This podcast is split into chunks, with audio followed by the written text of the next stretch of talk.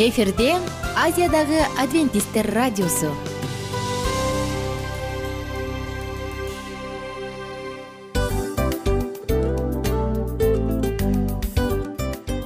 Достор салют. Баардык сүйүктүү угармандарыбызга салам айтабыз. Кутман күнүңүздөр менен. Ден соолук өмүрдүн булагы демекчи саламат саамы программасында баарыңыздарды көргөнүбүзгө абдан кубанычтабыз. Анда алгач амандашып өтөлү арбаңыздар деп. Ден соолугуңуздар кандай элибизде көбүнчө ден соолук кандай дегенде эле жакшы деп жооп беребиз э? ооруп турсак дагы жакшы дейбиз. Анан мен муну айтып ойлойт элем бул абдан сонун сөз депчи анткени бул жакшы деген үмүт да э ооба. баары жакшы болот баары сонун. Деп үмүттөнүп атып эле өзүбүздү өзүбүз дарылап коебуз. Анысы кандай? Сиздин дагы ден соолугуңуз жакшы беш деген үмүттөбүз чындыгында ден соолук бул өмүрдүн булагы деп бекеринен айтылган эмес деп ойлойм. Кыргыз элинде анткени эгерде ден соолук жок болсо анда адамдын жашоосунда калган баардык керектүү маңыздуу нерселер өзүнүн баалуулугун жоготуп коет. Ошондуктан ден соолук бул эң керектүү нерсе. Ооба туура айтасың кесиптешим. Чынында ден соолугуң жок бир эки үч күн ооруп калсаң эле э кандай болуп калат? Жашоодо көз каранды болуп каласың көп нерсеге жетишпей каласың көп нерсени кыла албай каласың жада калса эшикке дүкөнгө да чыга албай каласың. Туптуура анан ден соолук болсо демек биз биздин бактыбыз тоодой деп койсок болот. Анда достор саламат саамы рубрикабызды баштайлы. Алдыда өзүңүзгө керектүү болгон сонун кеңештерди уга аласыздар. Мына ошондуктан биз менен бирге болуңуздар. Ал эми биз болсо милан жана айнура. Кеттик алга. Алга саламат саама ден соолуктун жарчысы. Саламат саама ден соолуктун ачкычы. Күн сайын сиз үчүн мыкты кеңештер сонун жаңылыктар кызыктуу фактылар биздин рубрикада.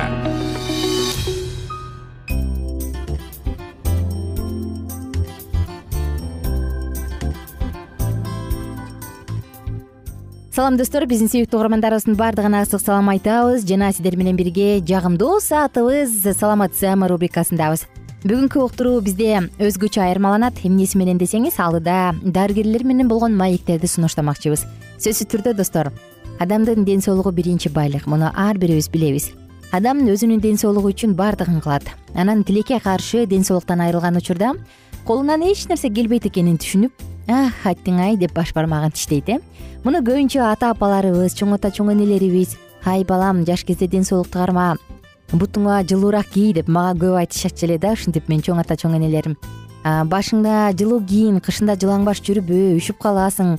Ай кызым жуунуп алып эшикке чыкпа деген сыяктуу көп кеңештерин айтчу эле. Албетте биз булардын көбүн кулагыбыздын сыртынан кетирип коебуз бирок чындыгында кенедей кезибизден баштап ден соолукка туура кам көрүп туура тамактана турган болсок анда канчалы деген оорулуу коркунучтуу оорулардан алыс оолак болобуз. Жана албетте иштеп тапкан акчабыз дары дармек эмес өзүбүзгө өзүбүздүн жеке муктаждыктарыбызга жумшалат ошондуктан достор мен каалайт элем ар бир угарманыбыз жашоодо туура тандоолорду жасап ден соолугунун камын көрүп жүрөгүндө тынчтыкты сактап стресс депрессиядан ашыкча тынчсыздануудан алыс болуп көп нерсени жаратканга ишенип тапшырып коюп жашоодо мындай бактылуу күндөрдө жыргалчылыкта жашаса деген үмүтүм бар алдыда биз сиздер менен дарыгерлер менен болгон маектерди сунуштайбыз сиздерге. Жана сөзсүз түрдө бул уктурууларды уккан соң өзүңүзгө тыянак чыгарып мүмкүн ден соолукта кайсы бир жерине ремонт жасап э баягы тамашалап айтканда кайсы бир жерине көңүл буруп кайсы бир жери кыйкырып жаткан болсо мага көңүл бур деп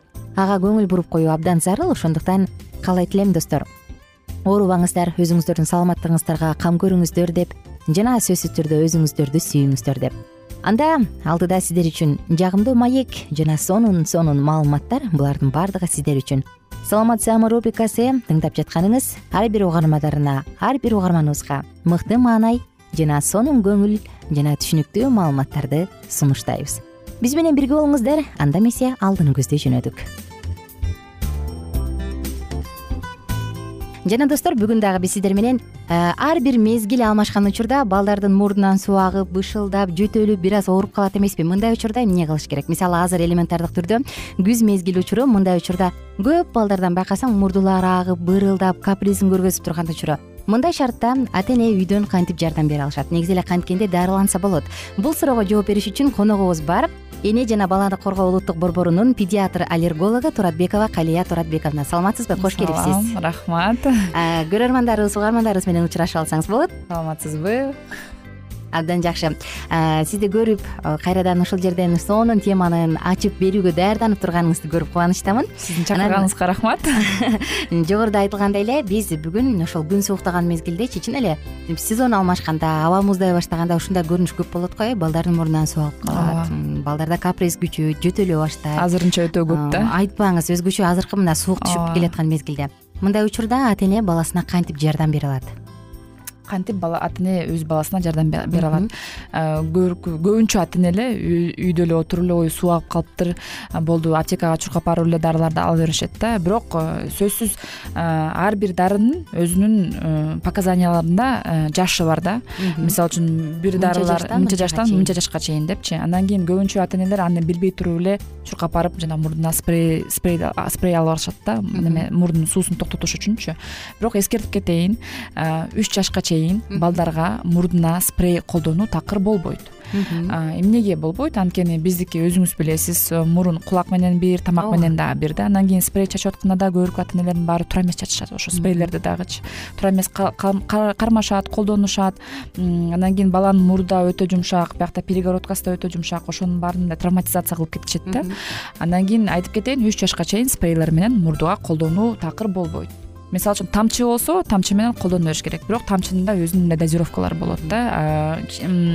Дозировкага жараша балага баланын жашына жараша дозировканы карап туруп да сөзсүз мындай жазып бериш керек да дарылардычы бирок мурду өтө агып атса деле сөзсүз жанагы вазоконстриктор деп коет сосудосуживающий препараты. Ошолорду сөзсүз түрүндө мындай жазып бериш керек да. Көбүнчө баягы физраствор тамызышат эмеспи мурунга бул физраствор менен э, буну э, солевой раствор солевой растворду деле. ооба буну бул эмне кылат? Бул увлажнение кылат мурдун ичин андан кийин мурдун ичин мындай жууйт да. Э, анан андайды кылса болот.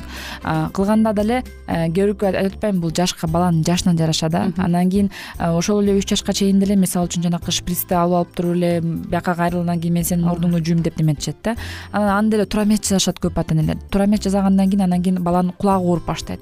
Кулагы ооругандан кийин анан чуркап келишет да эмнеге мурду ооруп аткан анан кулагы кандай ооруп калды өтүп кетти күчөп баратат ошо күчөп баратат депчи а бирок бул жардам эле ата энелер өзү эле козгоп салышат да ошо мурунун кулакка эле өткөзүп салышат ошол үчүн өткөзбөш үчүн үч жашка чейин ошол эле физрастворду мурдуга тамчылатасыз мурдуга тамчылатканда баланы сөзсүз түрүндө бул жака кайрылып туруп тамчылатып туруп андан кийин кайта мынтип туруп туруп мурдун тазалап азыр аспираторлор бар мурдуга колдонуу аспираторлор. Же каражат жок болсо мисалы үчүн ошол эле грушаны алып туруп эле ошо неме маңкаларды соруп алыш керек. Анан кайта бул жака кайрылып туруп бияката тамчылатып туруп кайта ошол эле груша менен же аспиратор менен мурдун баарын тазалап чыгыш керек да. Тазалап туруп анан кийин үй учурунда ошондой биринчи жардам ушинтип мурдун тазалаш керек да. Анан мисалы үчүн үйүндө мындай аба өтө кургак болсо увлажнитель менен деле колдонуу керек да. Анткени мурду үй ичин үй ичинде үй ичинде аба музак кургак болсо бул дагы мындай өтө мурдун ичинде мындай жаман неме алып келет да мурду кургап турат мурдунан суу агып турат. Андан кийин мурдунан суу агып аткан учурда деле баланы мындай кичине өйдөрөөк жаздыкка жаткызыш керек да. Анткени мурун тамак кулак баары бир.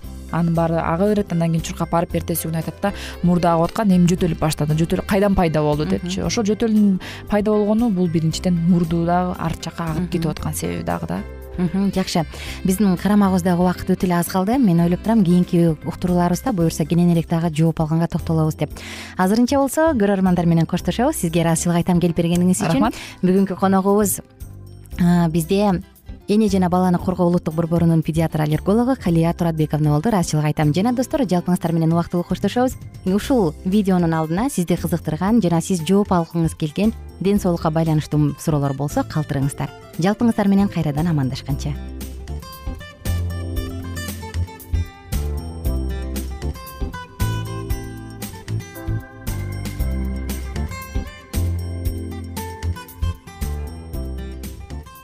кененирээк маалыматтар үчүн үч w чекит саламат чекит клуб сайтына келип таанышыңыздар. Жана андан тышкары социалдык тармактарда youtube facebook жана instagram баракчаларына катталыңыз. Саламат саама ден соолуктун жарчысы. Саламат саама ден соолуктун ачкычы. Күн сайын сиз үчүн мыкты кеңештер сонун жаңылыктар кызыктуу фактылар биздин рубрикада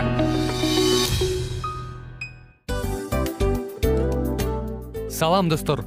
Кайрадан биздин сүйүктүү рубрикабызга кош келиңиздер деп айтмакчыбыз. Баардык замандаштарыбызга арбаңыздар деп саламыбызды айтабыз. Улуу ушундай бир урматтаган учурашуу менен анан дил маек радио баракчабызга чакырабыз. Негизи дил маек биздин рубрикабызда эмне жөнүндө кеп кылабыз бул дил маектин мааниси эмнеде рубрикабыз менен кичине тааныштырып кетсеңиз. Сөзсүз түрдө тааныштыра кетейин кесиптешим суранычы боюнча бул учурда бул радио баракчада биз ар тарап кесип ээлеринен сонун кеңештерди алабыз сүйлөшөбүз сырдашабыз. Аталарыбыздын эжелерибиздин апаларыбыздын кеңештерин угабыз айтор. Жан дүйнөгө адамдын э, сапатына адамдын деги эле адам болуп жашашына керектүү баардык кеңештер алдыда. Негизи э, дил маек дегенде баягы эки адамдын ортосундагы сырдашуу кенен сүйлөшүү. Негизи эле биз адамдар бири бирибиз менен бир жерге жай жерге отуруп алып өзүнчө тынч жашоо жөнүндө өмүрүбүздө эмне болуп атканын бөлүшкөнү жакшы көрөбүз э адамдар. Ооба туура айтасың анан мындай учурга кээде убакыт да жетпей келет э? Же болбосо сырыңды кайгыңды муңуңду кубанычыңды айткың келет адамга ишенбешиң мүмкүн. Ооба. А бул радио баракча угармандарыбыздын чыныгы досу. Анткени бизден алган кеңеш сиздин жашооңузга чоң жардам берет. Ал эми сиздин бизге айта турган сөзүңүз ортодо гана сыр бойдон калат. Ошондуктан биздин дил маек рубрикабызга дагы бир жолу кош келиңиздер. Жана биз даярдаган маалыматтарга даяр болуңуздар. Айнура жана милан сиздер менен бирге алдыга кеттик ар түрдүү ардактуу кесип ээлеринен. Алтын сөздөр жүрөк ачышкан сыр чачышкан сонун маек. Дил маек рубрикасында.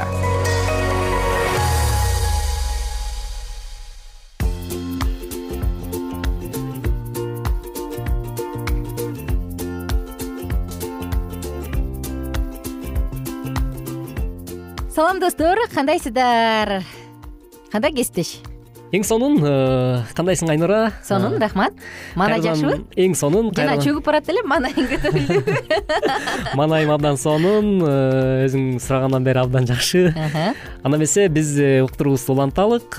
Бүгүнкү программада өткөн берүүбүздө сөз кылгандай эле жубайлар бири бирин өзгөртө алышабы деген теманын алкагында сөз кылып келатканбыз жана биз баары болбосо дагы бир нече себептерди атап өткөнбүз э. Адам өзүнө ыңгайлаштыргысы келет кабыл ала албайт адам идеалын тутуп алат дагы ошол идеалга рамкага тыккысы келет деп анан сен да абдан сонун айткансың. Эгоист болгондуктан адам эгоисттүүлүгүнүн айынан адамды өзгөртүп таптакыр башкача кылгысы келет деп э.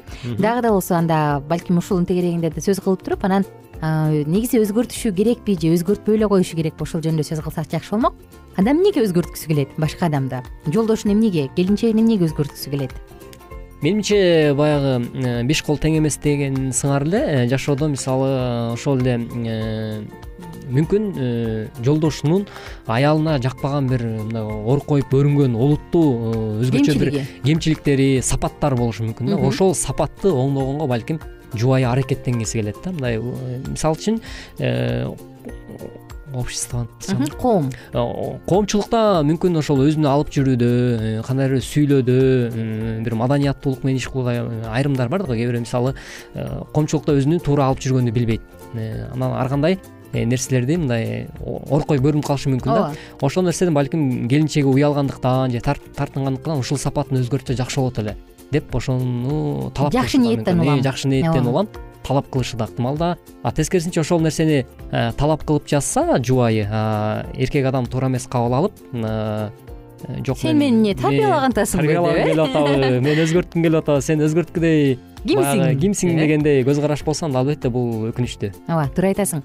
Абдан сонун ой мен ушул жерден ойлойт элем да кайра эле ушу баарлашууга келгим келет да. Ушул жерден эгерде жубайлар бири бири менен баарлашып бири биринин сырын билсе бири биринин жан дүйнөсүндө болуп аткан күрөштү билсе анда мунун баардыгы туура кабыл алынат депчи. Мисалы э мүмкүн эркек деле билеттир өзүнүн кемчилигин. Анан бирок аны менен күрөшкөнгө алы жок. Же кандайдыр бир чыгуу жолун билбей атат. Ошондон улам ал конкреттүү түрдө күрөшө албай жатат да ошондон улам да болушу мүмкүн. Анан мен негизи эле ойлойм да негизи кесиптеш. Адам ушул өзгөрсө деген ниет бул жакшы эле ниет деп. Эгерде анын мотивациясы анын мотиви бул өзүмчүлдүктө жатпаса мага мага деген тилек болбосо жалпысынан өзгөрсө деген жакшы. Мисалы эгерде жарымы мисалы эмне деп койсок болот? Өтө эле мындай коомго сиңе албаган обочолонгон адам болсо ушул ачылса жакшы болот эле. Кийин мындай ата болгондо эне болгондо ушул кедергисин тийгизип калбаса экен деген аракет мындай түртө турган болсо мен ойлойм бул жакшы эле депчи анан албетте мисалы жубайлар бири бирин өзгөртүш керек сени өзгөртөм деп тарбиялап тарбиялоо маанисинде эмес а тескерисинче жардам берүү иретинде болсо анда адам өзгөрөт деп ойлойм да. Сөзсүз түрдө туптуура айттың негизи баягы аял эркек эрди катын болуп жашап аткан соң ошол бири бирине карата болгон мамиледе э, сөзсүз түрдө мындай бири бирине түркөк болуп э, жардам берип орусча айтканда баягы поддержка кылбаса ооба колдоо көрсөтпөсө. колдоо көрсөтпөсө сөзсүз түрдө баягы көйгөй жарала берет да. Анан э, мен деле айткым келет негизи биз ошол колдоо көрсөтүү аркылуу бири бирибизди өзгөртө алабыз депчи. Качан аял эркек бири бирине карата колдоо көрсөтүп баштаса анда мындай өсүү болот да. Мисалы үй бүлөлүк жашоодон сырткары деле бир компанияда деле мисалы директор өзүнүн ишкерлерине э, баягы өзүнүн ошо компаниясындагы адамдарга э, жумушчуларына э, колдоо көрсөтүп дайыма стимул кылып мындай поддержка кылып турса анда сөзсүз түрдө ошол компанияда өнүп өсүү болот да. Туптуура ошол сыяктуу эле үй бүлө деле ушуга окшош деп айта алам да. Анан мен ойлойм ушул өзгөртө алабы дегендечи жубайды өзгөртүп эмес а жардам бере алабы. Эгерде ошол өзгөртүү деген этиш сөздү жардам берүү колдоо менен алмаштырсакчы анда бул мүмкүн нерсе деп. Мисалы э чын эле сен жогоруда айткандай биз көбүнчө өзгөртөм мен сени деп туруп мындай катаал тарс турс сындырып ушундай катуу иштерди кылып баштайбыз го. Анын ордуна тескерисинче жардам берип сынап эмес күчтүү жактарын баса белгилеп ооба сен ушунуң абдан жакшы болду сен ушуну абдан сонун айттың ушуну туура кылдың сен бүгүнкү кийген кийимиң абдан сага жарашат экен деп э мисалы келинчегине. Эгерде келинчеги баягы кайсы бир нерсенин үстүнөн күрөшүп жатса аны котур ии деп шылдыңдабастан анын артыкчылыктарын баса белгилеп кел анда моундай кылып көрөлү мен сага эмне кылып жардам бере алам? десе мен ойлойм өзгөрбөгөн адам болбойт ордунан жылдырылбаган таш болбойт депчи бул нерсе мүмкүн деп. Анан албетте эки адамдын туткан идеалы экөөнүн умтулган максаты бир болсо анан анда өздөрү эле өзгөрүлөйүн дейт болуш керек да. Сен жана мурунку бир уктуруубузда айта кетпедиң белең ата менен апанычы апа өзгөргөндө ата аны карап өзгөрүлүптүр деп. Чын эле сенин өзгөрүлгөнүңдү көрсө тиги адам өзү эле өзгөрүлөт го дейм. Ооба сөзсүз түрдө. Анан ошол эле сыңары мисалы өзгөрүү жубайлар бири бирин кантипкенде өзгөртө алат деген баягы теманын алкагында сүйлөшүп аткандыктан мисалы үчүн э, ушул өзгөрүү жаатынан биз карап келгенде э, мындай экен да бир ойчул э, абдан жакшы бир сөз айткан экен эгерде сен өзгөрүүнү кааласаң өзүңдөн башта бирок ошол эле учурда эч убакта мындай ошол жакын адамыңан мындай талап кылба дептир да э, өзгөрүүнүчү. Ооба. Талап кылып аны мындай баса белгилеп э, э, сен оңолосуңбу дегендей эмес э сен деген могу адатыңды качан таштайсың? Деп анан кайра кайра эле мындай эскерте бербе деп жазган экен да ошондуктан биз мындай баягы өтүп кеткен нерсени улам улам эскертип баягы кыргыздар эле айтат го эски жараны сыйрый берме деген сыяктуучу ошол сыяктуу.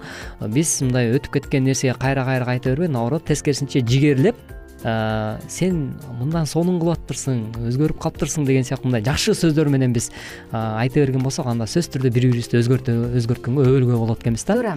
Бул жактан адамдын айткан сөзүнүн тону дагы абдан үнүнүн тону дагы маанилүү да э. Мисалы биз балага башкача мамиле кылабыз. Жолдошубузга биз башка мамиле кылабыз. Жолдошубуздун статусу бийик болгондуктан ал үйдүн эркеги кожоюну президенти болгондуктан ал өзгөрүлүп жакшы кылып жатса да эй азамат деп айтканыбыз баягы туура эмес болуп калат э? Эркекке эркектей мага ушунуң абдан жакты деп мүмкүн баягы комплиментти башкачараак сунуштарыбыз да. Сен ушинтип айткаң мага жакты сен ушундай кылгаң мага абдан жагымдуу болду рахмат деген сыяктуу айта турган болсок ал адам өзү эле түшүнөт да демек менин өзгөрүлгөнүмдү байкаптыр деп жакшы. Биз уктуруубузду кийинкиде улантабыз. Достор ага чейин жалпыңыздар менен убактылуу коштошобуз. Күнүңүздөр көңүлдүү улансын. Сак саламатта болуңуздар. Кайрадан амандашканча достор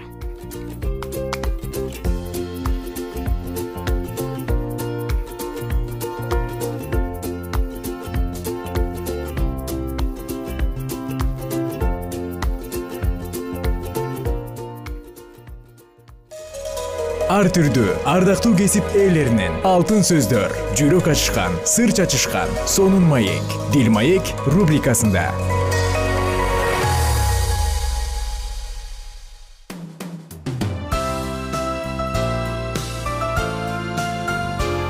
Эфирде азиядагы адвентисттер радиосу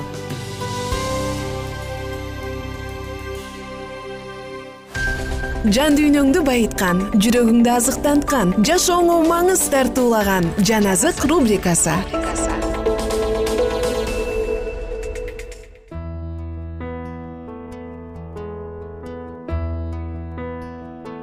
Амансыздарбы урматтуу угармандарыбыз. Кайрадан эле биз сиздер менен жан азык уктуруубузду улантабыз. Бүгүнкү программабызда өткөн берүүбүздө сөз кылгандай эле э, жашоодо эмнелерге ыраазысыз ыраазысыз ушул туурасында сүйлөшкөнбүз. Э, кайрадан эле сиздер менен ободо кесиптешим айнура жана ошондой эле мен улан. Салют достор кандайсыздар маанайыңыздар сонунбу жалпыңыздар менен кайрадан жадырап амандашканыбызга кубанычтамын жана бул үчүн дагы ыраазымын. Анда кесиптешесиң дейм мурунку уктурууда сен эмне үчүн ыраазысың мен эмне үчүн ыраазымын бир санап көрөлү.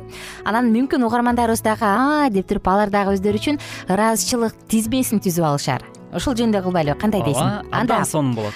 Кезек сизде анда эмесе өзүмдүн үй бүлөм тактап айтканда э, сен эмнеге ыраазысың деген суроону кесиптешим бергенде э, баягы жубайларыбыз туурасында айталык ооба керек. ооба. Сен өзүңдүн жубайың мен өзүмдүн жубайымдын мен өзүмдүн жубайымдын эмнесине ыраазымын дегенде бүгүнкү күндө мен э, биринчиден эле ушул жерден такалып калсаң аябай таарынат да жубайымдын биринчиден эле мындай мен ар дайым баалап келген сапаты сапаты жөнүндө айтайын да. Эч убакта мен бир жакта жүрсөм улам улам баягы кээ бир айымдар барго телефон чалып эле текшерип. каякта жүрөсүң деп анан үйгө келгенде телефонун алып алып да текшерип ушундай нерселерди эч убакта кылбайт да. Анан бат баттан чалып тажатып э, каякка келип калдың анан бачымырак келбейсиңби анан жүрө бересиңби деп эч убакта аны албайт анткени мен эмне иш кылып атканымды ишенет экен да сага ишенет кыскасы ооба. Анан ушул сапатынан мен аябай ыраазымын да. Анан дайыма өзүнө да айтам э, мен сага ыраазымын э, эч убакта мындай. Анан көп учурда да мисалы жора жолдоштор менен достор менен отурганда да анан мисалы сенин бир инсандыгыңа тийип бул дайыма эле ушинтип жүрөт анан ушинтип айта берет деген сыяктуу бир сөздөрдү э? сөздөрдү да колдонбойт.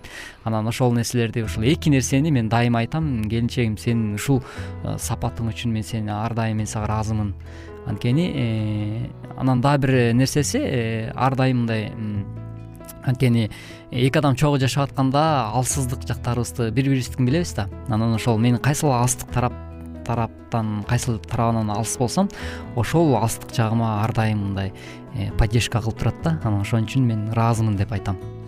Жакшы. Э, тамак жасап тосуп алып кийим кечек жууп сенин бир туугандарыңды сыйлап берген үчүнчү? Албетте эми ал боюнча э, мындай кандай десем сөз жок. Ал жагынан күндө эле ыраазымын десем болот. Анткени эми кир жуу боюнча эми азыр илгеркидей колго кир жуумай жок да машинага салып коесуңар дечи бирок машинага. салып анан кайра чыгарыш дагы керек да. бирок ошону баягы жайып коет го. Анан жайып койгон үчүн да ыраазымын дейм да. Жок. Тамаша. жакшы. Тамаша албетте. Кир жууган келин бар турбайбы үйдө жакшы. келин деп коебуз жакшы сонун анда мен эмне жөнүндө ыраазымын? Мен эмне үчүн ыраазымын? Мен жолдошумдун э, менин кандай болсом бойдон кабыл алганына ыраазымын да. Кээде мен айтам да менин ушул сапатым сага жакпай калдыбы дегенде ал айтат да бул сен бул сенин өзгөчөлүгүң мен сени кайра тарбиялагым келбейт. Сен кандай болсоң ушундайсың? Мен сен кандай болсоң ошол бойдон жакшы көргөм деп айтат да. Анан кээ бир эркектер барго ой сен эң болбойсуң сен мынтесиң деген сыяктуу сөздөрдүчү такыр колдонбойт да. Анан мага бул нерсе аябай жагат. Анткени баягы чыгармачыл адамдар негизи биз өтө сезимтал өтө мындай жан дүйнөсү назик жан дүйнөбүз ооба жан дүйнөбүз өтө назик келет го. Анан ал мени түшүнгөндүктөнбү түшүнгөндүктөн болуш керек. Мындай сөздөрдү айтып көңүлүмдү оорутпайт да. Анан ал көбүнчө иштесең иште. Жасасаң жаса жасагың келбесе жөн кыйналба. Өзүңдү мисалы баягы через силу кыйнап эч нерсе кылбай эле кой деп көбүнчө ушундай э, неме берет мындай эркиндик берет да. Анан досторум менен барам десем кызганып анан эмнеге анан качан анан эмне үчүн деген сыяктуу сөздөрдү бербейт. Барам барам мындай мындай. Мен кенен кесир айтып берем андай кызганыч болбош үчүн. Ушундай жерге барам ушундай ушундай ушунча кыз болобуз ушунча бала болот ушундай ушундай отурабыз. Себеби деп айтып берем анан а макул деп коет дагы мындай үйдө камап жок аял киши деген үйдө отуруш керек дебейт ошонусу мага аябай жагат да ушунусун баалайм абдан жакшы. Мына ушул нерсе менен менин кесиптешим айнура жолдошуна карата ыраазычылыгын билгизип өткөн бул дагы өтө чоң э, улуу байлык болуш керек э анан мага дагы абдан жаккан нерсеси мисалы жолдоштору өзүнүн достору менен жолугушса дагы сөзсүз түрдө мага биринчи кезекте айтат бир окуя боло турган болсо үйгө бирөө келе турган болсо сөзсүз түрдө мен менен кеңешет.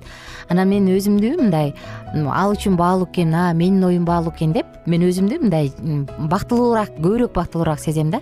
Анан алган акчасын дагы мисалы канча алган кандай болгонун беш колдой билем эгерде ал алып калгысы келсе мага керек эле дейт. Жок десе жок дейт. Анан аябай көп байкайм да ал абдан жакшы ата. Абдан мындай мыкты ата. Балдар үчүн эч нерсе аябай балдар үчүн колдон келгенин жасаганга аракет кылат да. Анан өзүм кийбесем да жок мен ушуну менен деле жүрөм. Бирок кызым кийсин э, сен кийип ал мен жүрөм дейт дагы. Мындай өзүн көп аяй бербейт да ушул нерсесине аябай баа берем. Анан мен ойлойм негизи адам э, ушундай мындай үй бүлөсү үчүн көп нерсеге даяр болсо үй бүлөсү да ал үчүн көп нерсеге даяр болот болуш керек ооба сөзсүз түрдө туптуура анда эмесе урматтуу угармандар сиздер дагы чындап эле э, кесиптешим экөөбүздүн жашообуздан бир үзүм бир аз таанышуу болду э? Таанышуу болду окшойт ал эми э, ыйык жазуу туурасында дагы карап өтсөк негизи эле баягы э, ыраазы болуу жөнүндө дагы бир сонун кеп айтылган экен. Бул э, петр аттуу адам минтип айтып кеткен экен да. Ошентип дейт мисалы ошол эле үй бүлө болобу же үй бүлө мүчөлөрүбү баардыгыңар кандай гана учур болбосун кандай гана кырдаал болбосун бир ойдо болгула дептир да. Ошол эле учурда кайраттуу Э, анан э, бир туугандык мамиледе мындай ортоңордо дайыма боорукердик менен сүйүү болсун деген мындай сөзүн айтып кеткен экен да.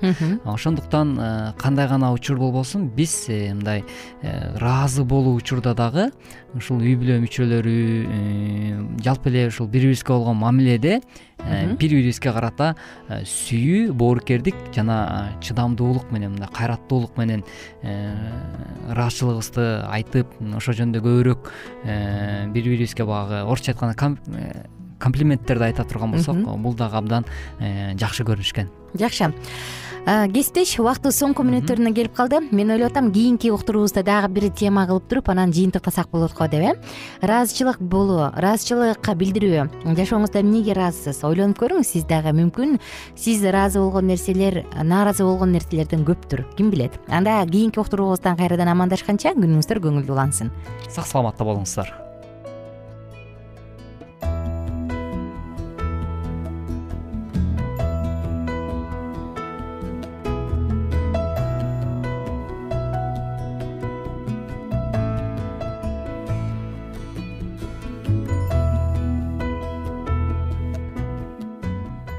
эгер сиздерде суроолор болсо же көбүрөөк маалымат билем десеңиз анда биздин whatsapp номерибизге жазыңыз. Плюс бир үч жүз бир жети жүз алтымыш алтымыш жетимиш. Кайрадан плюс бир үч жүз бир жети жүз алтымыш алтымыш жетимиш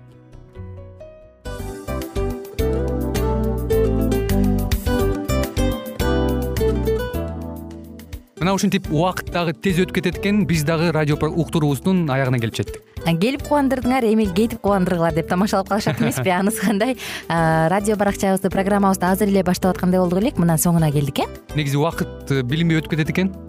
Мен дагы э, убакыт дегенде бүгүн бир адам менен сүйлөшүп калдым. Анан убакыт бул мүмкүнчүлүк деп айтып өзүмө өзүм айтып алып анан мага өзүмө эле кайра ачылыш болду да чын эле Э, карап отурсаң ошол эле жыйырма төрт саат ошол эле жарым саат кайталанып атат. Бирок сендеги мүмкүнчүлүк жок ошол кой берилип кетти? Анысы кандай? Бүгүнкү сонун убактыңызды алтындай болгон жарым саатыңызды бизге бөлүп арнаганыңыз үчүн ыраазычылык айтабыз. Анан жашооңуздун кайсы бир сферасын өзгөртө турган сонун пайдалуу кеңеш алган болсоңуз анда биз максатыбызга жеттик. Анан ушул нерсени кылбасам десеңиз ошол өзгөрүүлөрдү кичинекей кадамдардан баштап иш жүзүнө ашырыңыз дагы жашооңузда чоң чоң ийгиликтерге жетиңиздер чын жүрөктөн ар бир берилген кеңештер сөздөр сиздерге пайдасын алып келет деп ишенебиз. Жана кийинки уктурууларда сөзсүз түрдө чыдамсыздык менен сиздерди күтөбүз. Сагынычтуу салам айтып кайрадан дал ушул жыштыктан баардыгыңыздарды тосуп алганча кызматта мен айнура жана кесиптешим милан. Анда кол булгалайбыз. Жалпыңыздарга ийгиликтүү күн. Саламатта калыңыздар